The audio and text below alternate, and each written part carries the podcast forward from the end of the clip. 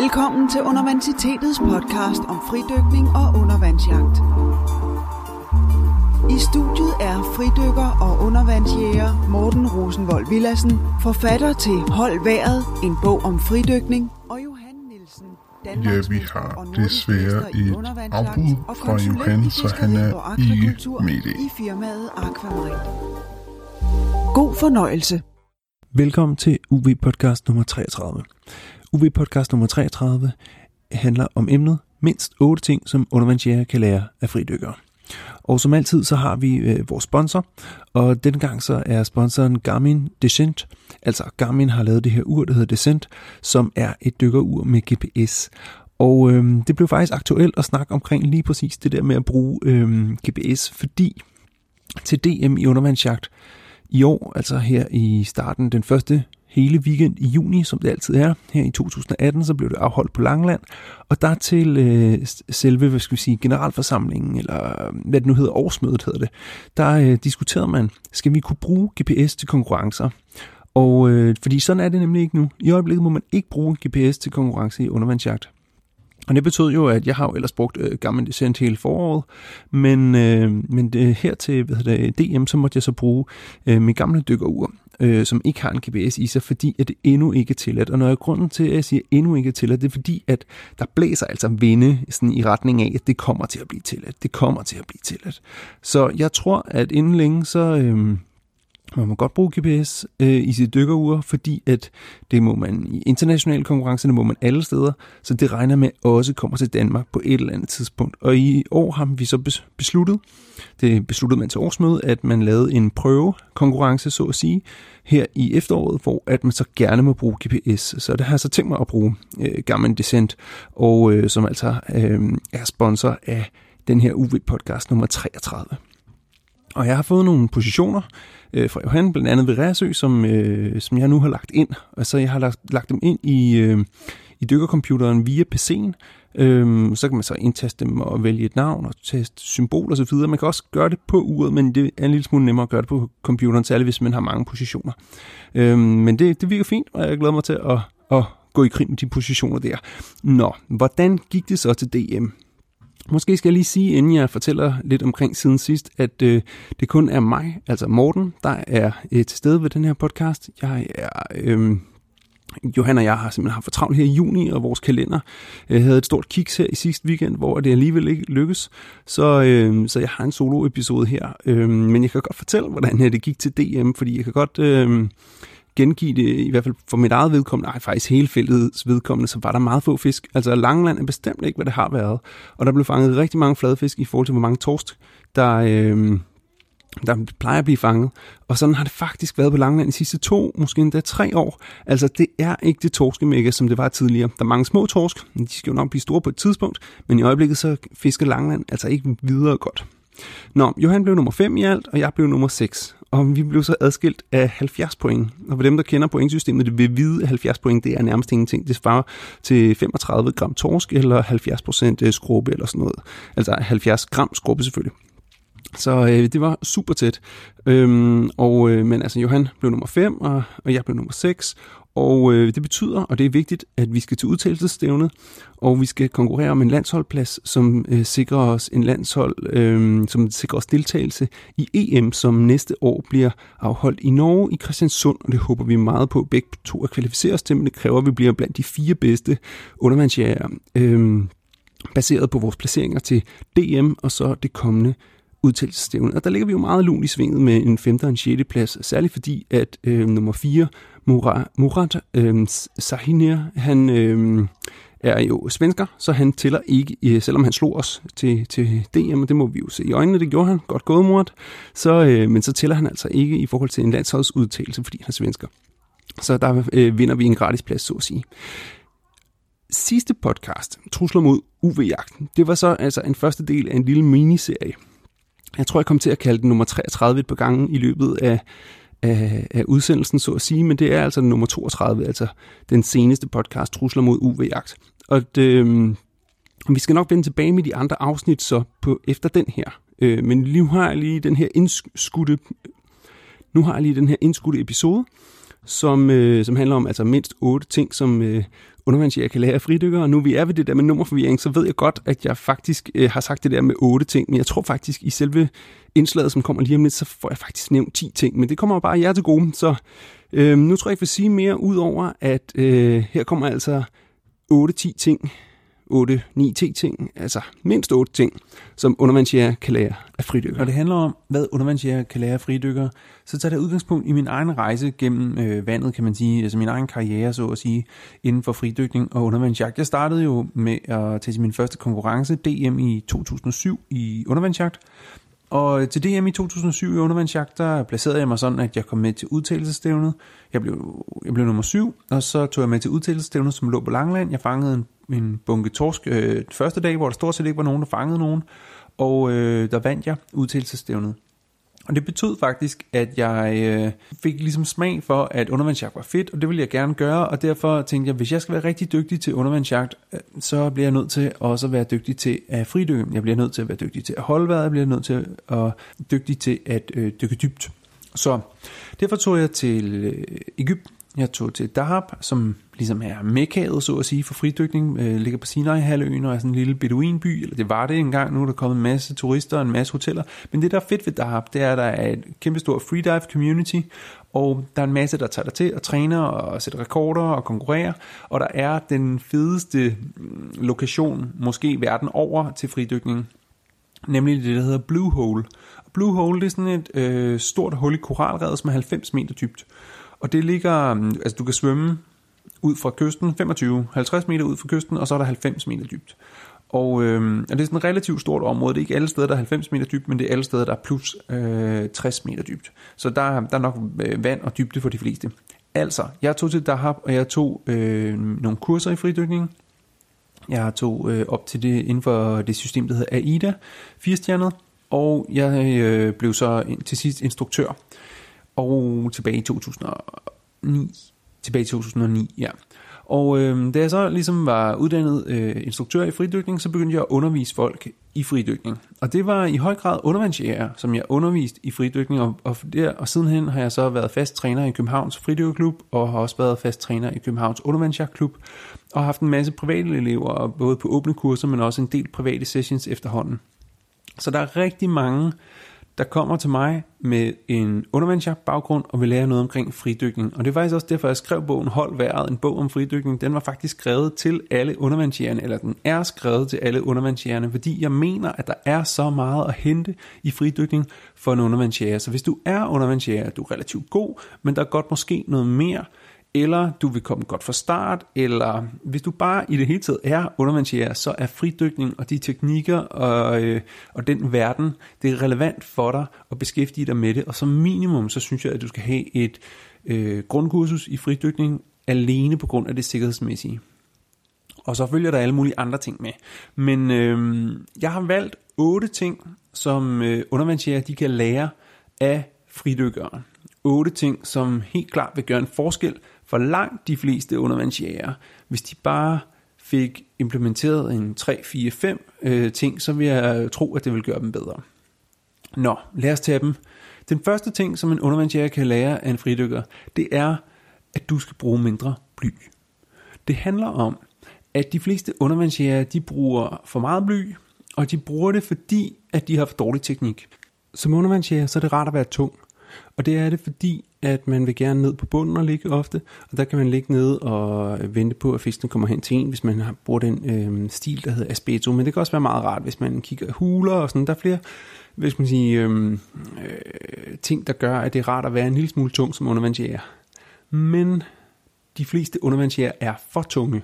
Det er simpelthen sådan, øh, oplever jeg tit både på kurser og i private sessions, at når folk kommer ud, så øh, kan de simpelthen ikke holde sig flydende. De er nødt til at ligge og svømme i overfladen hele tiden for at holde sig flydende. Og øh, hvis de ånder en lille smule ud, så synker de ned under vandet. Og det holder simpelthen ikke, fordi det betyder, at man i overfladen er så tung, at man skal bruge kræfter i en, i en situation, hvor du faktisk burde hvile dig. Når du som undervandsjæger ligger i overfladen, så er det jo der, du hviler. Det er der, du skal have lav puls, det er der, du skal få trukket vejret, det er der, du skal komme ned i kroppen, få et fokus rent mentalt, og gøre dig klar til at dykke næste gang.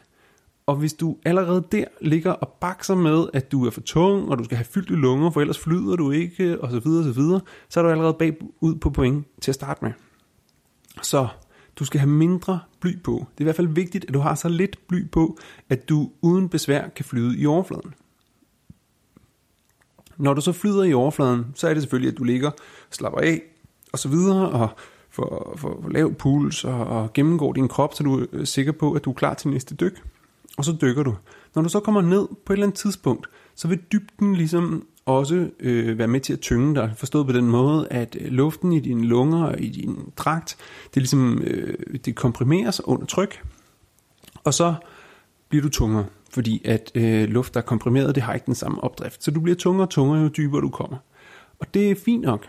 Og det vil sige, at når du er nede på en 6-7 meter eller sådan noget, så skal du nok være tung. Så øh, når du kigger i huler der, når du ligger på bunden der eller et eller andet, så skal du nok være tung. Jeg er godt klar over, at hvis man ligger og skal være rigtig tung på 1-2 meter vand, så er det en udfordring, fordi så bliver du også nødt til at være tung i overfladen. Men hvis du skal bare lidt dybere end 3-4 meter, så kan du altså roligt tage et par kilo af, sådan så du kan hvile mere i overfladen, og du kan få et bedre neddykning. Når man så skal op fra bunden, så bliver det virkelig hårdt, fordi dels det er den sidste tredje fjerdedel af, af en styk, og øh, man vejer rigtig meget nede på bunden. Og jeg ved ikke, om der er nogen, der kender det der med, at man har dykket ned, man ligger nede på bunden, og så sætter man ligesom af på bunden, og så kramper man. Altså, øh, altså det, det kramper ind i læg, eller baglov, eller et eller andet, fordi man laver sådan en pludselig afsæt, eller et eller andet. Det har jeg i hvert fald prøvet et par gange.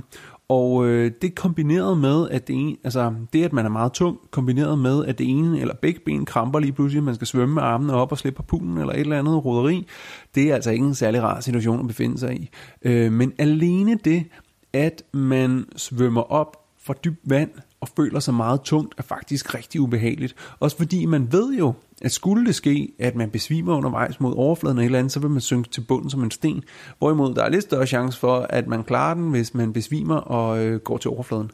Øhm, og så er der også bare det der med, at, øh, at man, man, man er simpelthen træt på det tidspunkt, og derfor øh, er det simpelthen hårdt at svømme op. Øh, dykkerfleksen har, har ligesom trådt i kraft, og derfor så øh, har man nogle, nogle ben, som hvad skal jeg sige, øh, som, som er allerede begyndt, musklerne er allerede begyndt at arbejde anaerobt og danne mælkesyre. Hvis man skal op mange gange fra, lad os sige, 20, 20 meters dybde, eller bare 10 meters dybde, mange gange til 10 meters dybde, og skal op og virkelig arbejde for at komme op, så får man virkelig syre i benene, sådan, når man skal gentage det mange gange. Så det, jeg vil anbefale, at de fleste undervandsjæger tager nogle kilo bly af. Og hvor mange, det skal jeg ikke lige kunne afgøre, men det er i hvert fald 100% sikkert, at hvis man ikke kan flyde efter en udånding i overfladen, så har man altså øh, for meget bly på.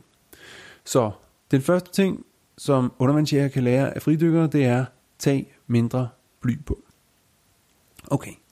Den anden ting, som undervandsjæger kan lære af fridykkere, det er mere fokus på trykudligning. Det er klart, at fridykkere fokuserer hjernedødt meget på trykudligning, fordi trykudligning ofte er det, der bremser en fridykker i at nå dybere.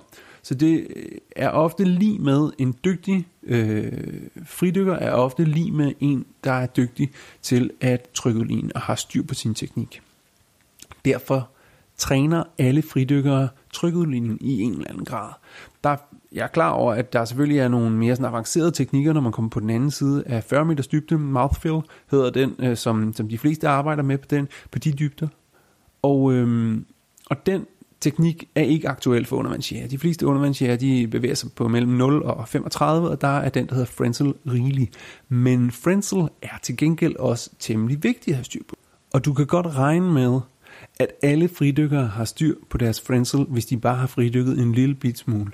Men det har alle undervandsjæger ikke. Der er rigtig mange undervandsjæger, som virkelig bøvler med deres trykudligning, og bare moser på og spænder i maven og alle de der ting, som knytter sig til valsalva og knytter sig i øvrigt også til lungeskader og trykudligningsskader og alt muligt. Øh, fordi at det jo virker og bla bla, og man kan bare lige prøve sig frem, og det virkede sidst og så videre. Øh, men hvis der er, det er virkelig sjældent, jeg hører om undervandsjæger, som ligesom aktivt øh, går ind og arbejder med, med deres trykudligning og øh, øver sig, altså på, på tørt land, øver sig på at lave de bevægelser, der skal til for at få en bedre øh, trykudligning. Jeg vil anbefale dig, hvis du er undervandsjæger, så prøv at træne øh, i en svømmehal med at lave, altså først og fremmest, du skal lære frenzel, men det, det er ligesom et, et, et, et given, det skal man. Hvis du ikke ved, hvordan du skal lave frenzel, så øhm, testen, testen er, at du holder dig på maven med en hånd, og du holder dig på næsen med, med tommel og pegefinger, og så prøver du at lave en trykudligning. Hvis du laver trykudligning øh, med frenzel, så spænder du ikke i maven. Så det vil sige, at du skal altså kunne lave en trykudligning uden at spænde i maven. Du kan prøve det nu. Og øhm, hvis du altså spænder i maven, så laver du valsalva, og det skal du holde op med. Og hvis du ikke spænder i maven, så bruger du frenzel. Du bruger altså i højere grad tungen til at lave øh, den trykudligning, og det skal du bare blive ved med at blive bedre til. Nå, men hvis du ikke ved, hvordan du skal lave frenzel, eller hvordan du skal komme videre, så gå ind på holdværet.dk-frenzel, og det er frenzel med Z, F-R-E-Z-E-L, og øh, det er en pdf, der bliver downloadet, Øh, der er ikke noget virus eller noget som helst. Det er en pdf, som er skrevet af en kanadier, der hedder Erik Fata, som er vildt god til at forklare, øh, hvordan man arbejder med at få styr på det her frenzel. Der er masser af øvelser, og det er let forklaret. Det er på engelsk, men øh, jeg kan godt anbefale det. Det er virkelig godt materiale. Nu er det så, at hvis du godt kan frenzel, så skal du... Og hvis du så har styr på din frenzel, så vil jeg anbefale dig, for at du får en bedre og mere smidig trykudligning, at du øver dig i at lave hands-free trykudligning. Og det er ikke fordi, at du skal bruge hands-free trykudligning, når du ligger ude i havet og dykker, fordi det er den for ustabil og usikker til, og øh, det går for langsomt, og det er for besværligt osv. Øhm, hvis du kan lave hands-free, så er det fint. Der er nogen, der er født med det, og de, de skal bare give den gas, øh, men de fleste har ikke en stabil hands-free trykudligning. Det, der ligesom er finten ved at arbejde med handsfree trykudligning alligevel, det er, at hvis man kan lave handsfree trykudligning, og så kombinere det med Frenzel, så kan man få en virkelig stabil og virkelig hurtig, effektiv, smidig trykudligning, som øh, er simpelthen så øh, let at arbejde med. Så derfor tag i svømmehallen, tag hen en stige øh, i det dybe bassin, og så gå langsomt med hovedet opad ned ad stigen med dine hænder. Samtidig med, at du trykudligner uden at bruge hænderne. Det vil sige, hænderne sidder ikke på næsen, de, øh, de holder fast i stigen og tager et øh, skridt ad gangen ned ad trappen, og øh, du skal lave alle de der sådan lidt skøre ting med at skubbe kæben frem, eller lave en gabebevægelse, en synkebevægelse, eller smile, eller noget den, ned, den dur der. Og, øh, og du skal bare prøve dig frem. Øh, hold vejret, og så gå du 10 cm ned ad gangen, og sørg for, at du ikke går dybere, end at du kan få din trykudligning til at fungere. Som sagt, du skal ikke gøre det for at mestre handsfree trykudligning, så det er noget, du skal bruge ud i havet. Du skal gøre det for, at du skal kombinere de manøvrer, man laver til handsfree trykudligning med Frenzel, så får du en virkelig stabil og virkelig smidig øh, trykudligning, som øh, vil være rigtig godt for dig. Okay, det var nummer to ting, som undervandsjæger kan lære af fridykker, nemlig mere fokus på trykudligning. Okay, nummer tre, som undervandsjæger kan lære af fridykker, det er få en bedre neddykningsteknik. Fleste ved, at der er noget, der hedder jackknife eller dog dive, eller altså måden, man kommer fra overfladen og nedad på. Og det er typisk ved, at man ligesom på en eller anden måde får overkroppen nedad og benene op. Det kan gøres utrolig elegant, og det kan gøres utrolig klodset.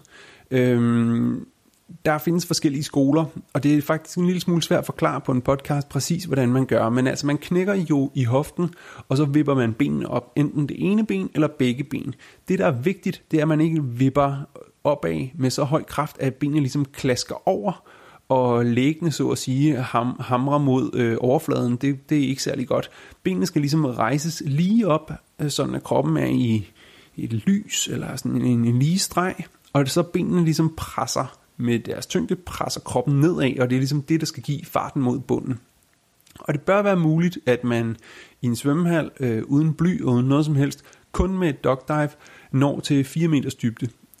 Øhm, og når du kan det, så, øh, så, har, så har du ret godt øh, styr på din neddykningsteknik. Men de fleste undervandsjæger kan ikke det. De, øh, hvad skal man sige, øh, Øh, nu ligger vi og fridykker øh, omkring en bøje, og det er meget ofte, at man skal, man skal skærme sit ansigt for, for de øh, øh, svømmefødder, som ligesom basker rundt op i luften, fordi det er også en anden fejl, netop at mange øh, begynder at svømme, mens de endnu har benene i luften. Øh, jeg ved ikke, om man kan forestille sig, hvordan, øh, hvor fjollet det ser ud, dels, men også, hvor, hvor lidt effekt det har at svømme med benene oppe i luften. Så sørg for, at benene ligesom er kommet, og finderne jo også er kommet helt ned under overfladen, før man begynder at svømme. Men det er klart, at hvis man har en rigtig dårlig neddykningsteknik, så, øh, så kommer man ikke særlig langt ned, og så når man synes, nu er, nu er der ikke mere kraft på min neddykning, så nu må jeg hellere begynde at svømme. Så hvis øh, ens neddykning er virkelig dårlig, så er finderne, findebladene simpelthen stadig ude af vandet, og så, ja, så sker der ikke særlig meget. Og man spilder en masse energi på det, og, og kommer måske også til at sparke nogen, hvis man ligger tæt der i overfladen. Nu er det ikke for at, at, at gøre grin med folk, men det er egentlig for at, at sige, hvis du fokuserer på det her, den her ene ting, så tror jeg, at du kan få en, en bundtid, måske plus 5-10% på hver eneste dyk, bare ved det her. Så næste gang du er ude og undervandsjage, så brug noget koncentreret tid på at lave gode neddykninger. Eksperimenter med det. Ha' fokus på det. Altså, du skal jo dykke alligevel. Så have fokus på, at de skal bare sidde i skabet prøv dig lidt frem og tilbage. Hvad plaskede du meget? Havde du finderne fri? Øh, hvordan? Og, altså, virkelig gå ind i det.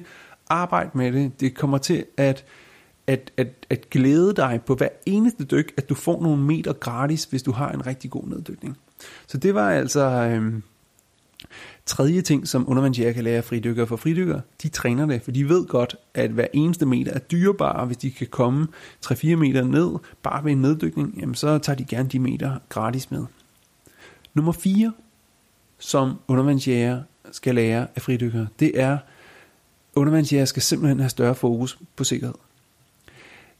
Jeg er godt klar over, at man som fridykker presser sig øh, fysisk til grænsen. Det vil sige, at man presser sig helt derud, hvor at øh, man har iltmangel og nærmer sig der, hvor man får et blackout, når man virkelig makser ud på en et dybt dyk, eller et statisk dyk, eller et dynamisk dyk. Øhm, altså nogle af de forskellige discipliner, der er. Og det er selvfølgelig vildt vigtigt, at fridykker har ordentlige sikkerhedsforhold. Og fordi at det er så vigtigt til konkurrencer, at man har ordentlige sikkerhedsforhold, så ligger det ligesom i sporten, i, i fridykningens DNA, at der hele tiden skal være en, der holder øje med en, man fridykker aldrig alene, man træner redningsprocedurer, man, øh, man, man sørger for at give OK-tegn til dem, der holder øje med en, sådan så de ved, man er okay, og man, i det hele taget gør man meget ud af, at kommunikere, nu gør jeg det, nu gør jeg det, holder du øje med mig, jeg har brug for, at du holder øje med mig, når jeg laver det her i forhold til sikkerhed, der, der, der. Men man snakker om det, og man træner redningsøvelserne jævnligt. Jeg kender ingen undervandsjæger, som ikke har en fridykker baggrund, der for alvor har det her med i deres undervandsjagt. Altså, det der med, hvordan redder man lige en anden undervandsjæger, der besvimede under vandet? Giver man OK-tegn efter hvert dyk til sin marker, Øh, hvor, holder man øje med hinanden? Øh, får, man, får man aftalt på forhånd, hvordan man har tænkt sig at dykke?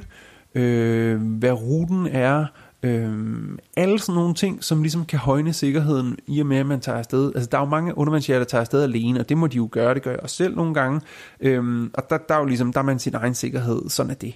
Men øh, der er også masser af undervandsjæger, som tager ud øh, to eller tre af gangen, og der er rigtig mange, der glemmer at tale sammen om, hvordan øh, de har tænkt sig at gøre, hvad aftaler de har, øh, tids, altså øh, bare sådan en simpel ting som tid, hvornår er vi tilbage her igen, hvornår skal vi begynde at lede efter hinanden, øh, alt sådan noget. Og, det, øh, og, og særligt hvis man er for eksempel hvis man er ude et sted hvor det er bare en lille smule dybt, altså vi snakker måske plus 6-8 meter eller sådan noget, så kan man jo godt øh, ligge skiftevis ved siden af hinanden og dykke. Altså lad os forestille os, at man er på langland, man driver stille og roligt med strøm, og man fisker torsk og fladfisk på øh, 5-8 meters dybde. Det kan sagtens være sådan, at man ligger to undervandsjæger ved siden af hinanden, relativt tæt. Strømmen fører begge undervandsjæger ned langs kysten, som den gør, og man skiftes til at dykke. Det vil sige, at en undervandsjæger dykker ned, kommer op igen, giver et OK-tegn til sin marker, markeren gør sig klar til at dykke, og så dykker han. På den måde så kan man bruge hviletiden til at dels holde en lille smule øje med hinanden, men også at så, så skiftes man til at dykke, og man får sådan en, en, en naturlig rytme. Man giver OK-tegn mellem hver dyk. Øhm, jeg, jeg er med på, at i Danmark, der har vi sådan en relativt dårlig sigtbarhed, og der er ikke så dybt og sådan nogle ting, så det er, det er lidt en anden ting, men også bare hvis man så tager til Norge, og for eksempel skal dykke efter kammuslinger, eller havtasker, eller til Middelhavet og skal dykke rigtig dybt, øh, så giver det rigtig god mening, også fordi der er, dels er der dybere, men dels er der god sigtbarhed. Og så er det en rigtig god sådan, rytme at komme ind i, at man skiftes til at dykke, man giver OK tegn til hinanden, når man er kommet op, og øh, man holder bare øje med hinanden, sådan at man, øh, så når den ene er i overfladen, så holder den der i overfladen øje med den, der øh, dykker ned og op.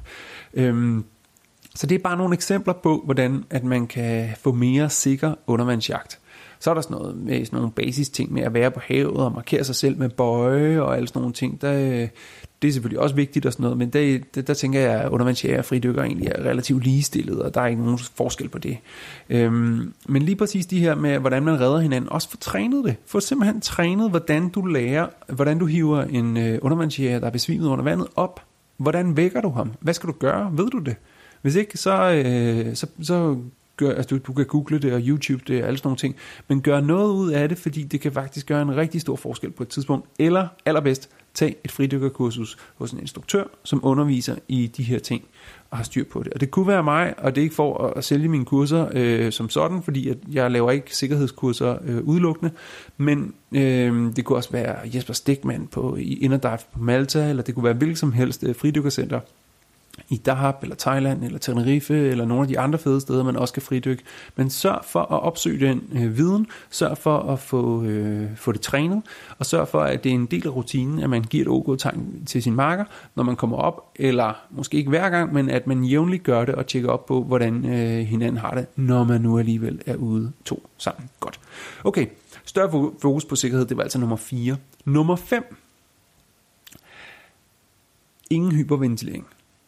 Hyperventilering er at trække vejret for meget. Altså for meget i forhold til den aktivitet, du har behov for. Hvis man hyperventilerer, og uden at gå ind i alt for meget fysiologi, men hvis man hyperventilerer, så sker der to dårlige ting. Den ene er, at man sætter kroppens naturlige alarmsystem for, hvornår man har behov for at trække vejret ud af kraft. Den anden dårlige ting, der sker, det er, at man kan reelt fysiologisk set holde vejret kortere tid, når man har hyperventileret, end når man ikke har. Det handler om, at når man hyperventilerer, så sænker man CO2-niveauet i kroppen så meget, at det tager lang tid for kroppen at bygge det CO2-niveau op igen, mens man holder vejret. Det er jo ligesom CO2, som er vores kroppes signalstof for, det er det, vi kan mærke, når vi kan mærke, nu skal jeg til at trække vejret. Så er det på grund af CO2, der hober sig op. Og hvis man hyperventilerer, så udvasker man CO2. Og det vil sige, at man starter med et meget lavt niveau af CO2. Det tager lang tid for en krop at opbygge CO2-niveau til et niveau, hvor den har lyst til at trække vejret, hvis man har hyperventileret. Det er kroppens naturlige alarmsystem for at overleve og give signal til mennesket om, at mennesket skal komme op og trække vejret. Og hvis man sætter det ud af kraft ved at hyperventilere, jamen så er man faktisk lidt selv uden om det, fordi altså får man ikke særlig mange forvarsler, før man rent faktisk besvimer. Godt. Så det er altså pissefarligt, fordi at man sætter alarmsystemet ud af, af funktion. Den anden grund til, at det er farligt, det er, at CO2 også er en trigger for pattedyrs dykkerrefleks. Og pattedyrs dykkerrefleks, det er det, som gør, at vi kan holde vejret så sindssygt lang tid.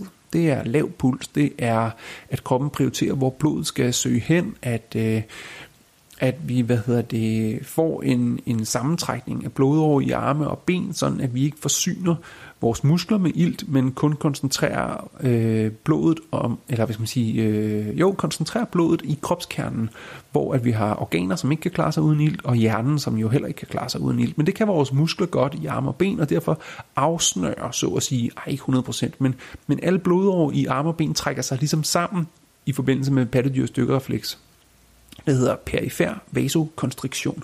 Og det betyder altså, at, at vi bruger ilten der, hvor at det er afgørende, at der kommer ilt. Og det er altså ikke så afgørende i arme og ben, men det er afgørende, at der kommer ilt i hjerne og øh, organer, fordi de er særlig følsomme over for iltmangel.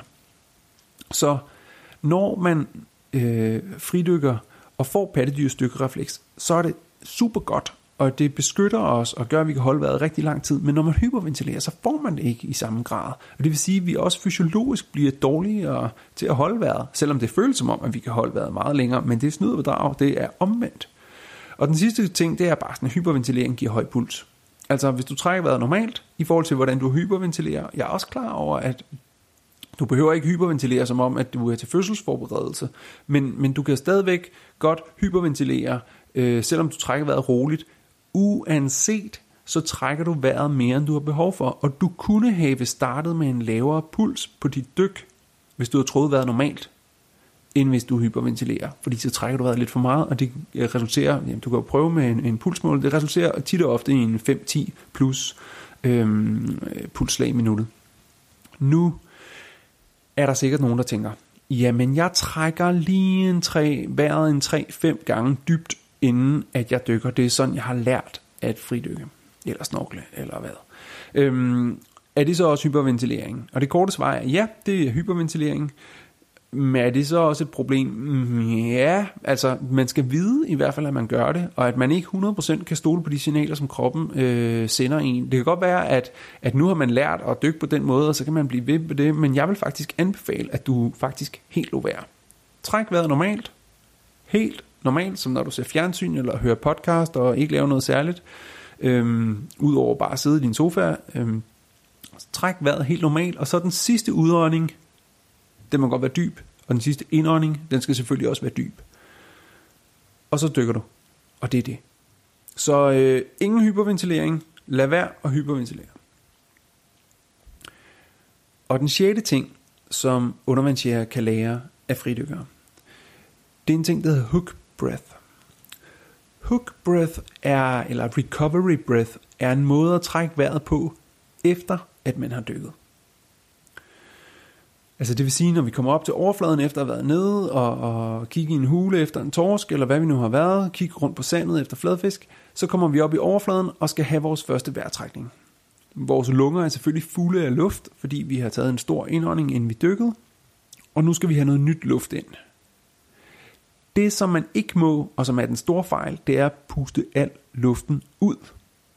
Det må du ikke gøre, fordi at så, øh, der er masser af ild i den luft, og du har behov for den. Så du skal kun lukke så meget luft ud af dine lunger, som der skal til, for at du kan hive noget nyt ind. Jeg plejer at sige, måske en tredjedel eller sådan noget lignende skal man lukke ud. Og så skal man skynde sig at få noget nyt luft ind. Og det virker en lille smule unaturligt første gang. Jeg kan godt prøve at demonstrere det lige om lidt, men det virker en lille smule øh, unaturligt første gang, man gør det, fordi det er sådan en... Øh, inden for fridykning og undervandsjagt, så er der mange ting, som virker naturlige, og som anbefalinger, som egentlig giver god mening med det samme. Det her, det synes jeg er det mest unaturlige øh, anbefaling, men det virker. Øh, og man ser øh, dygtige fridykkere til konkurrencer, øh, som er tæt på øh, sådan nogle iltmangels øh, symptomer i øvrigt, men så får de lavet et rigtig godt hook breath, og de har lavet en rigtig god recovery generelt. Og så klarer de den altså og får godkendte dyk, hvor at mere uerfarne fridykkere i samme situation, de vil miste bevidstheden.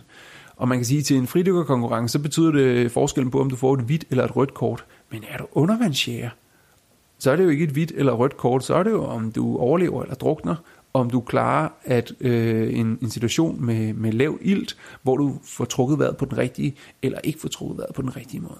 Okay, så det er derfor, at man skal gøre det. Også hver eneste gang, at man ligesom, øh, at man fridykker eller snorkler, også selvom man ikke har presset sig. Lær at lave hook breath, få det ind som en rutine, og øh, du har simpelthen øh, gjort dig selv en tjeneste i forhold til at få noget ind på rygmarven, som sidder der den dag, du, ja forhåbentlig ikke, men eventuelt skulle få behov for at trække vejret på den her måde, så kan det altså faktisk gøre forskel på, om du besvimer eller ikke besvimer. Okay, vi kommer altså op til overfladen med fyldte lunger, så nu trækker jeg lige en dyb vejrtrækning ind, og så, øh, og så kommer jeg op til overfladen.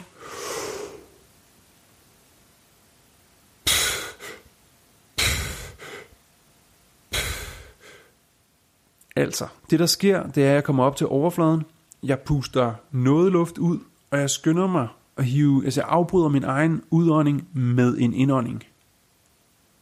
Så jeg lukker noget luft ud, skynder mig at hive noget andet luft ind, og så holder jeg det en lille my. Og så gentager jeg. Noget luft ud, noget luft ind, holder det en lille smule, en lille smule luft ud, hurtigt noget luft ind, og holder det en lille smule. Jeg gentager det som regel to-tre gange, øh, når jeg undervandsjæger, og jeg gør det altid. Og det, der øh, er ved det, det er, at det, det kræver, at man ikke har snorkel i munden. Og det leder mig frem til øh, den næste ting. Det er nemlig øh, den syvende ting, som øh, undervandsjæger kan lære af fridykkere. Det er, tag snorkelen ud af munden. Når man ligger i overfladen og hviler og forbereder sit dyk, så skal man bruge sin snorkel. Snorkelen er til for, at du kan ligge i overfladen og trække vejret, mens du kigger ned, og du slapper af. Hvis du kan se bunden, så kan du snorkle rundt i overfladen og kigge ned. Kan du ikke se bunden og skal ned på en 4-5 meters dybde, hvad ved jeg, så øh, er det fint at ligge i overfladen og trække vejret gennem snorkelen. Men når du dykker, så tager snorkelen ud af munden. Min rutine er, at jeg øh, laver en dyb udånding, jeg laver en dyb indånding, jeg øh, tager snorkelen ud af munden, og jeg trykudligner, og så laver jeg min neddykning. Og læg lige mærke til, at jeg også trykudligner, inden jeg dykker. Det er et meget godt trick, for at man ikke kommer bagud med trykudligning, men det er en, det er en lille biting. Øh, men, øh, men det er altså rutinen. En dyb udånding, en dyb indånding, snorkelen ud af munden, trykudlign, og så dykker jeg. Det vil sige, at hele mit dyk foregår med snorkelen ud af munden. Der er tre grunde til det. Man skal have snorkelen ud af munden, fordi at skulle man besvime under vandet, så vil der ikke komme vand i luftvejene, fordi kroppen er god til at holde vand ude. Og det stiller altså en super godt i forhold til at blive genoplevet, eller ens marker samler en op, og så videre, at man klarer den, at man kommer til sig selv, og man ikke får skader, og man ikke får saltvand i lungerne. Eller endnu værre. Øhm, og øhm, og, og det, det betyder altså, at hvis du har en snorkel fyldt med vand i munden, så øh, vil det vand jo altså komme ind øh, og være i din mund, altså i din øvre luftveje øh, med det samme. Og det, øh, det er altså en, en, en, ikke en fordel, hvis du besvimer. Øh, så det er sådan en sikkerhedsting. Ha' snorkelen ud af munden, fordi at det er sikrere i tilfælde af en besvimelse. Så er der den anden ting, og det hænger sammen med det hook breath, vi var omkring før. Det var, at den første vejrtrækning efter et langt dyk er selvfølgelig den allervigtigste. Den skal foregå og være af så stor kvalitet som muligt, og den skal foregå så let og ubesværet som muligt. Og derfor skal man ikke trække vejret gennem et øh, sugerør, eller altså en snorkel plastikrør fyldt med vand. Det siger sig selv. Og man skal ikke bruge energi på at tømme snorkelen for vand. Så man skal simpelthen komme op, trække vejret gennem munden, direkte luft ind i lungerne, og så øh, kan man lave sin hook breath, som jeg gennemgik før, og så kan man tage snorkelen i munden, øh, og, og, og lægge sig og hvile bagefter. Jeg, jeg gør altid det, jeg kommer op, jeg laver min hook breath, Og så orienterer jeg mig, er der nogle skibe, hvor min marker, hvor ligger i forhold til målen eller land, eller hvor mine landpejlinger, eller alt sådan noget. Jeg orienterer mig, ser, er der far på færre, er der nogen grund til, hvor ligger i forhold til, hvor jeg skal ligge. Og så når jeg har styr på det, så tager jeg snorkel i munden igen, og så ligger jeg mig og hviler op i overfladen. Og gør mig klar til at dykke igen.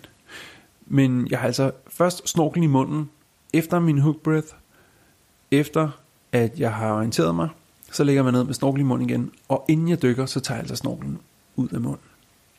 Den sidste grund til, at man ikke skal have snorkelen i munden, når man fridykker, eller når man er undervandsjæger, når man er neddykket, det er, at det larmer. Det siger sådan her, med bobler ud af sådan et rør, der er lukket i den ene ende, af sådan noget luftbobler, øh, bobler, der kommer ud. Og det er måske en lille ting, men det larmer. Og øh, som undervandsjæger vil man gerne være stille som en ninja. Øh, så derfor øh, så, så siger det sig selv, at hvis man kan gøre noget aktivt, som gør, at man larmer mindre som undervandsjæger, så skal man selvfølgelig gøre det. Så der er altså tre gode grunde til at have snorkelen ud af munden, og det var den syvende ting, som undervandsjæger kan lære af fridykkere. Den ottende ting, som undervandsjæger kan lære af fridykkere, det er, fridykkere, de træner. De træner simpelthen på at blive bedre fridykkere. De ved, at de ikke bare kan nøjes med at tage til konkurrencer og bare præstere og lave maksforsøg. I princippet så er der rigtig mange undervandsjæger, som kun tager til konkurrencer. Altså forstå mig ret. Altså, der, jeg er med på, at, at der er masser af undervandsjæger, som, som, som ikke konkurrerer i undervandsjagt, men som bare tager ud af undervandsjæger, fordi det er en, en, en, en behagelig måde. Det er friluftsliv, det er motion, det er samvær med venner, og det er et frirum og alle sådan nogle ting. Og, og fred være med det. Men hvis du vil være en god undervandsjæger, så er du altså nødt til at træne nogle ting. Og det kan være en, altså se på, se på det finske landshold. De løbetræner. Altså det er sådan, der er mange af dem, som en del af deres undervandsjagttræning, så løbetræner de. Fordi at de gerne vil være i god form, og det giver rigtig god mening. Man svømmer med benene, man løber med benene. Man kan let komme på en halv times løbetur ind i sit øh, ugeskema. Nok lidt sværere med en 4 timers undervandsjagttur. Øh, I hvert fald ikke lige så ofte og øh, forholde sig i form og, og så videre, så er der mange, der er løbetræner med det formål at være bedre undervandsjæger. Men der kan også sagtens være andre ting, som øh, styrketræning vil også give rigtig god mening. Smidighedstræning giver også rigtig god mening. Alene det at få en dragt på, det vil de fleste øh, vide, at øh, enten kræver det rigtig god teknik, eller også kræver det, det er i hvert fald ikke noget problem, at man er smidig, lad os sige det sådan. Men også i forhold til trykket på, øh, trykket på lungerne og så videre, hvis man skal dykke dybt, så er det altså en rigtig god idé at være smidig. Sådan noget med at holde vejret, altså bare træne det at holde vejret, køre nogle tabeller, nogle CO2-tabeller, det vil også være en rigtig god idé. Øh, der er masser af ting, så er der sådan noget ankler, øh, altså de fleste undervandsjæger vil vide, at de første ture efter en lang vinter, de er temmelig hårde for anklerne. Og, øh, og det kan jo altså undgås ved, at man træner det. Og der er rigtig mange ting, der kan trænes, og træning, det er altså noget fridykker gør. Og derfor bliver fridykkere gode. Og øh, det vil virkelig være noget, der vil løfte undervandsjagtniveauet for, alt de, for de fleste. Og øh, ja, sådan lænd. Jeg har, jeg har tænkt på, hvor mange, der har ondt i lænden, fordi de har sådan et tungt øh, øh, blybælt, apropos undervandsjæger bruger for meget bly. Men altså, og jeg er godt klar over, at sådan en del øh, undervandsjæger, der har bly op i vesten og nede i anklerne osv. osv. Dem vender vi lige tilbage til. Men, men, men der er rigtig mange, der døjer med ondt i lænden i forbindelse med undervandsjagt? Jamen det kan jo trænes. Altså det er jo rygøvelser, det er jo maveøvelser, det er core, og det er sådan nogle ting. Og det kan man også få øh, sat et fokus på. Det er simpelthen øh, styrketræning for rigtig mange menneskers vedkommende, som jo selvfølgelig også vil komme ind til gode øh, i forhold til ondt i ryggen og rygproblemer sådan generelt i livet.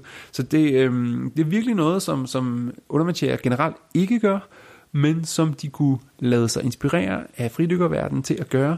Prøv at træne. Jeg havde engang, en, øh, nu bliver sådan en, en personlig anekdote. Jeg har læst øh, musikvidenskab på, øh, på Københavns Universitet, og i forbindelse med det der musikvidenskab, så øh, får man undervisning i klassisk klaver. Og øh, indrømmet, jeg var ikke den mest flittige til at få trænet mine skalaer og, øh, og spillet klassisk klaver. Jeg synes, det var lidt sjovere at spille øh, noget andet musik end klassisk klaver. Øh, men, men, øh, men så var der, jeg sagde sådan, så kom jeg nogle gange til min klaverlærer ugen efter, og måske jeg havde, jeg havde ikke rigtig brugt så meget tid på at øve mig. Øhm, og så sad vi og spillede, og, og, øhm, og så hvis man nåede til et eller andet sted, som var sådan lidt vanskeligt, eller, eller et eller andet, så, øh, så, sagde, øh, så sagde min klaverlærer, Morten, hvis alt andet svigter, så øv dig. Og det, øh, jeg vil grine meget af det, fordi at det er jo øh, hovedet på sømmet. Altså, det er, der er rigtig mange, der synes, at ting er rigtig svære, og åh, det er også virkelig svært med det her, men, øh, men, men, men de har heller ikke lige fået øvet sig på det. Altså, det, det, altså hvis man tænker på sådan, hvad, altså, nej, det, det, for mig så, så, så, så er det bare indlysende, at hvis man vil være god til noget, så skal man simpelthen øve sig på det. Okay, punkt nummer 9, som undervandsjæger kan lade sig inspirere af i forhold til fridykkere, det er strømlignethed. Der er mange undervandsjæger, som bruger øh, blyvest eksempelvis. Det er for så vidt smart nok at have noget bly fordelt forskellige steder på kroppen, så det ikke alt sammen sidder og presser om i lænden, og øh, det kan være mere behageligt og sådan noget. Men problemet med blyveste, det er, at hvis du dykker lodret ned som undervandsjæger, så øh, falder din blyvest op i nakken. Og så er der nogen, der siger, ja, men jeg har sådan en golfbold nede under bæltet, og den sidder øh, og, og sørger for, at min blyvest ikke glider op. Og det har jeg også set, men jeg har endnu ikke set en blyvest, som alligevel ikke laver en eller anden form for pose om i nakken på, på fridykkeren, som, øh, eller på undervandsjæren, som, øh, som, som dykker nedad, altså lodret nedad. Jeg er med på, at hvis man laver sådan nogle 45 grader dyk, så, så er det ikke så meget, men de fleste, som laver lodrette dyk, det er undervandsjæger, som også skal lidt dybere, altså hvis der er måske 15 meter dybt, eller 10 meter dybt, eller sådan et eller andet, eller måske endnu dybere, men de skal i hvert fald noget dybere, hvis de kommer helt op og er lodret og svømmer lodret ned. Og de vil altså, at de burde være interesseret i at få optimeret deres strømlignethed, når de dykker så dybt og bruger så lang tid under vandet, har så krævende udfordringer under vandet. Og jeg vil tro, at man mister helt sikkert et par procent af, af, af, af de sekunder, eller det overskud, man ellers kunne have haft, hvis man har sådan en blyvest, som laver sådan en, en knold om øh, på ryggen og, og, og bryder vandet helt tosset. Så er der også det sådan med, hvor har du albuen, når du trykker linjer. Prøv, prøv umiddelbart, øh, nu, nu har du selvfølgelig ikke våddragt på, men hvis du bare skal trykke linjen, så, øh, så fører man hånden op foran næsen. Nu kan I sikkert høre, at jeg har hånden op foran næsen her. Og der, øh, der strider min øh, albue altså ud til siden ret meget. Og det er sådan et kæmpe, øh, jamen det er jo sådan et kæmpe drivanker, man, man ligesom får placeret der øh, øh, ud for sin krop, når man har sådan en albue, som stikker nærmest lige ud i vandet. Og hvis man i stedet for at koncentrere sig om at få albuen ind til brystbenet, altså albuen, og nu slår jeg lige mikrofonen her, men altså man får albuen, man får albuen ind til, øhm, til kroppen, pegende ned mod navlen, når man trykker linjer, så er man altså meget mere strømlignet, og, øh, og det kan altså også godt give et par, par procent. Og nu har jeg snakket for flere gange om, der var neddykningen, og der var forskellige ting, men der er mange små detaljer i fridykning, som gør, at fridykkere Øh, 2% her, 3% der, 5% der, måske til sidst samler, hvad ved jeg, 30-35% øh, ekstra øh, performance sammen, men på den samme vejrtrækning. Altså, det er ikke fordi, de har større lunger nødvendigvis, de har simpelthen bare bedre teknik, og de har optimeret mange små ting. Og det her med at være strømlighed, det er en kæmpe ting, fordi vandmodstanden kan være så stor, hvis man øh, bevæger sig klodset i vandet og fylder en masse, øh, hvor man kunne være meget mere strømlignet. Så det var altså øh, nummer 9 ting, som undervandsjæger kan lade sig inspirere af af fridykkere. Den tiende ting, og den sidste ting, som undervandsjæger kan lade sig inspirere af, det er øh, prøv at arbejde med din svømmeteknik. Som undervandsjæger, så har man de der meget lange øh, svømmefødder, som øh, bevæger sig gennem vandet. Og de er jo skide gode, og de er super fine, hvis man bruger dem rigtigt. Okay. De fleste, som jeg har set øh, svømme med lange svømmefødder, de øh, laver 8-taller. Og det vil sige, at når de fører findebladet fremad, altså man ligesom fører benet fremad og findebladet fremad, så taber de anklen indad til. Det vil sige, at hvis man puttede en, øh, en, øh, en tus på øh, deres øh, deres, deres stortog, lad os sige, deres stortog var en blyant eller et eller andet, så ville de tegne en eller anden form for otte-tal, som ligesom, øh, hvor at, at, at, at anklen og, og dermed også stortåen falder indad i det, man fører benet frem, og kommer en lille smule ud igen, øh, når man fører benet tilbage. Og det giver sådan en, nogle skøre, øh, skøre cirkelbevægelser, som faktisk skaber turbulens finderne imellem. Altså de går simpelthen ind over deres egne baner. Og det betyder faktisk også, at mange undervandsjæger rammer sig selv. Altså de sparker på deres egne finder.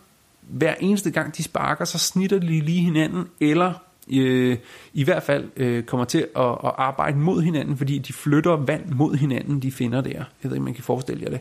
Det er meget tydeligt, hvis man øh, ser det i en svømmehal, kigger op fra, bagfra, øh, ned på en undervandsjæger, som svømmer fremad i en bane i svømmehallen, så vil man se ofte, at, øh, at øh, benene bevæger sig i en, en eller anden form for cirkel, og det er som regel fordi, at folk taber anklen indad til. Og det er simpelthen fordi, at sandsynligvis fordi, at man ikke har tænkt over det, eller man på et eller andet tidspunkt har haft nogle... Øh, øh, fået sig en dårlig vane, fordi man har haft nogle øh, stive finder, som ens ankler simpelthen ikke kunne øh, bære at, øh, at trække igennem vandet. Så når man sparker øh, fremad, så fanger man jo en masse vand, som man skubber på, men i og med at man taber anklen indad til, så falder vandet så at sige af finden, og det gør altså, at man ikke får det fulde udbytte af, af, af det fremspark, som man ellers kunne have fået. Og det er øh, typisk fordi, at folk er for svage i anklerne, øh, eller ikke er opmærksom på det. Øh, så så øh, måden, man løser det på, er selvfølgelig at, at få, få, øh, få opmærksomhed ned. Altså tjek, at dine store tæer, så at sige, kører lige frem og lige tilbage, og dine finder kører lige op og lige ned, når du svømmer fremad. Øh, det vil være sådan øh, en af de første ting, som man kan arbejde med som undervandsjæger. Så er der også det der med, at øh, der er mange undervandsjæger, særligt nye undervandsjæger, som bruger ankelbly. Og det gør de typisk, fordi at de ligger og plasker med benene op i overfladen. Og øh, jeg har som regel den sådan lidt, øh, måske sådan lidt, over, jeg ved jeg, øh, jo, det er måske lidt overlænt eller arrogant, eller hvad ved jeg, men, men det handler om, at, at der er en del undervandsjæger, der bruger bly for at kompensere for dårlig teknik, og det gælder altså også med ankelbly i forhold til, øh, jeg er med på, at det godt kan give en lille edge og, og nogle ting, men jeg bemærker altså, at til undervandsjagt konkurrencer, altså vi snakker store mesterskaber, hvor der er mange virkelig dygtige undervandsjæger, der er ingen eller næsten ingen, der bruger ankelbly. Og det fortæller mig altså noget om, at øh, det, er, det er typisk noget, som man bruger for at kompensere for dårlig teknik. Der, hvor det kan være en fordel med ankelbly, lad os bare lige tage den, det er, at hvis man øh, dykker på relativt lavt vand, så kan man, øh, og man skal ligge stille på lavt vand, eller i multer eller havørder, eller sådan noget på 1-2 meters dybde, så kan det være en fordel at øh, få lidt hjælp til at få benene ned, så de ikke ligger og flagrer så meget bag en. Øh, det kan også være en fordel, hvis man dyrker undervandsjagt under bølgerne, øh, på ganske lavt vand, og bølgerne fører en frem og tilbage, man ligger og holder fast i noget tang, eller et eller andet, en, en stor klippeblok, og der er det også en fordel, at man ligesom har lidt ekstra tyngde lige nede på, på benene. Men det der med at ligge, øh, for, for at undgå, at man ikke plasker i overfladen, jeg tror altså bare, det er dårlig teknik jeg har intet problem, stort set uanset hvilket, øh, hvilke finder øh, jeg har på, og jeg ser heller ikke andre undervandsjæger på elite-niveau have et problem med det. Jeg tror, at man skal arbejde en lille smule mere at cykle, en lille smule mere i overfladen. Altså det, man kan godt tillade sig at cykle en lille smule mere, man siger, ellers det er dårlig stil, det der med at cykle. Altså man skal svømme med relativt strakte ben, men du skal ikke svømme med strakte ben i overfladen. Det fungerer ikke på samme måde, som når du ligger øh, fuldt neddykket. Så man, man skal føre knæet en lille smule mere frem, altså flexe en lille smule mere i hoften, end man skal, når man bevæger sig ned under vandet. Prøv at ligge og lege med det. Prøv at finde ud af, hvilken svømmeteknik, hvordan du skal svømme i overfladen, for at du ikke plasker, i stedet for at købe øh, nogle ankelbly. Øh, det vil være ved et råd. Og, og, og selvfølgelig er der ingen fridykkere overhovedet, der bruger, øh, der bruger øh, ankelbly. Godt, det her var de 10 ting, som øh, undervandsjæger kan lade sig inspirere af øh, af fridykkere, og øh, det kommer som sagt af min egen rejse, hvor jeg har skiftet øh, lidt mellem konkurrencefridykning, konkurrenceundervandsjagt og træner i fridykning, træner i undervandsjagt og instruktør i det ene og det andet. Og øh, i øjeblikket så konkurrerer jeg selv mest i øh, undervandsjagt, men jeg instruerer faktisk øh, mindst lige så meget fridykning, som jeg gør i undervandsjagt. Så jeg har stadig ben i begge lejre, selvom jeg ikke øh, længere er så aktiv i konkurrencedelen i fridykning.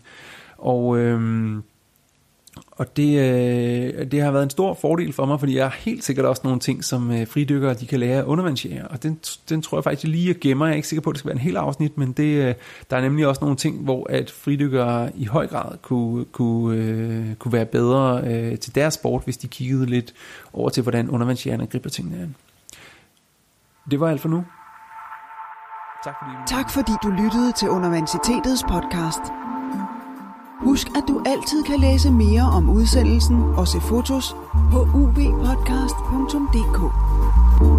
Her kan du også høre de andre podcasts og læse artikler om fridykning, snorkling og undervandsjagt.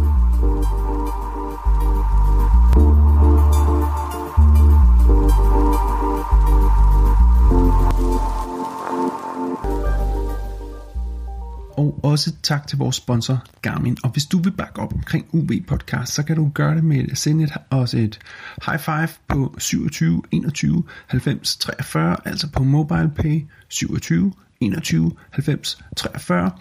Eller du kan blive en fast månedlig supporter, når vi udgiver vores månedlige podcast, og det kan du gøre på uvpodcast.tier.dk. Og så kan du bare oprette og indtaste 3, 5, 7, 10, 20, 30, endda 50 kroner.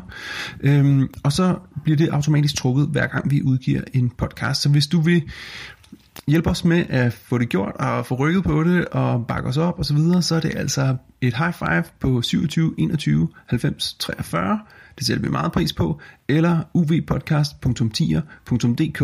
Og så til gengæld så siger vi mange tak og inviterer dig med i vores hemmelige Facebook-gruppe, som kun er for supporters, og hvor vi deler lidt mere hemmelige, ah, måske ikke hemmelige, men lidt mere for um, ting, der kan tåle at blive delt i en lidt mindre cirkel for de særlige inviterede. Og du er meget velkommen.